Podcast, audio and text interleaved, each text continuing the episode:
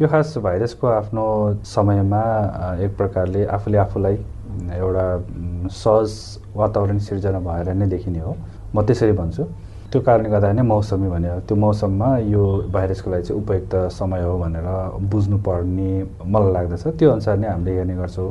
र जाडो महिनामा यसै पनि अब अलिकति चिसो होइन? त्यसमा चाहिँ यो अलिकति सुक्खा मौसममा भाइरस अलिक बढी स्थिर हुन्छ भन्ने छ। त्यो भएको हुनाले पनि होला सायद निरन्तर रूपमा चाहिँ यो खालको रुगाखोकी जाडो महिनामा जुन बढी मात्रामा हामीले देखिरहेको कारण पनि त्यो होला जस्तो लाग्दछ मलाई।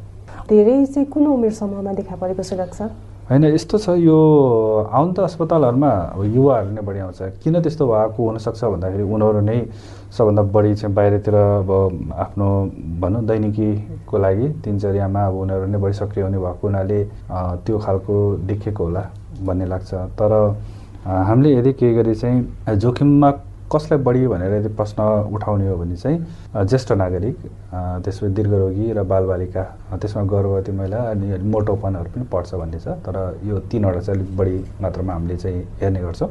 र त्यो भएको हुनाले चाहिँ अब युवाले सायद यही कारणले होला एक ठाउँबाट अर्को ठाउँमा सार्नमा त ठुलै मद्दत गर्छ।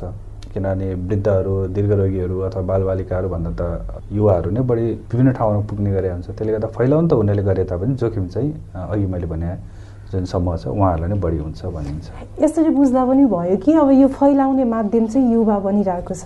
युवा नै भन्छ सधैँ अब विभिन्न जुन एउटा सङ्क्रामक रोगहरू खास गरी जो बढी डुल्छ जो बढी इन्टरेक्टिभ हुन्छ होइन धेरै अन्तक्रियाहरूमा विभिन्न एउटा काम बाध्यताले भनौँ अथवा कुनै अरू विभिन्न कारणले गर्दाखेरि पनि युवाहरू नै बढी मात्रामा चाहिँ अब हाम्रो समाजमा बढी मात्रामा घुलमिल पनि उनीहरूले हुन्छ। त्यो कारणले गर्दाखेरि पनि यो जुन सङ्क्रमण छ फैलन फैलाउन चाहिँ माध्यम चाहिँ उनीहरू नै हुन्छ जस्तो लाग्दछ। तर जोखिम चाहिँ फेरि अर्को समूहलाई हुने गर्दछ। कतिपयले चाहिँ सामान्य रुगाखोकी त हो नि केही गर्नु पर्दैन घरमा नै ठिक हुन्छ भनेर पनि यत्तिकै बसेको धेरै पाउँछ हामीले होइन?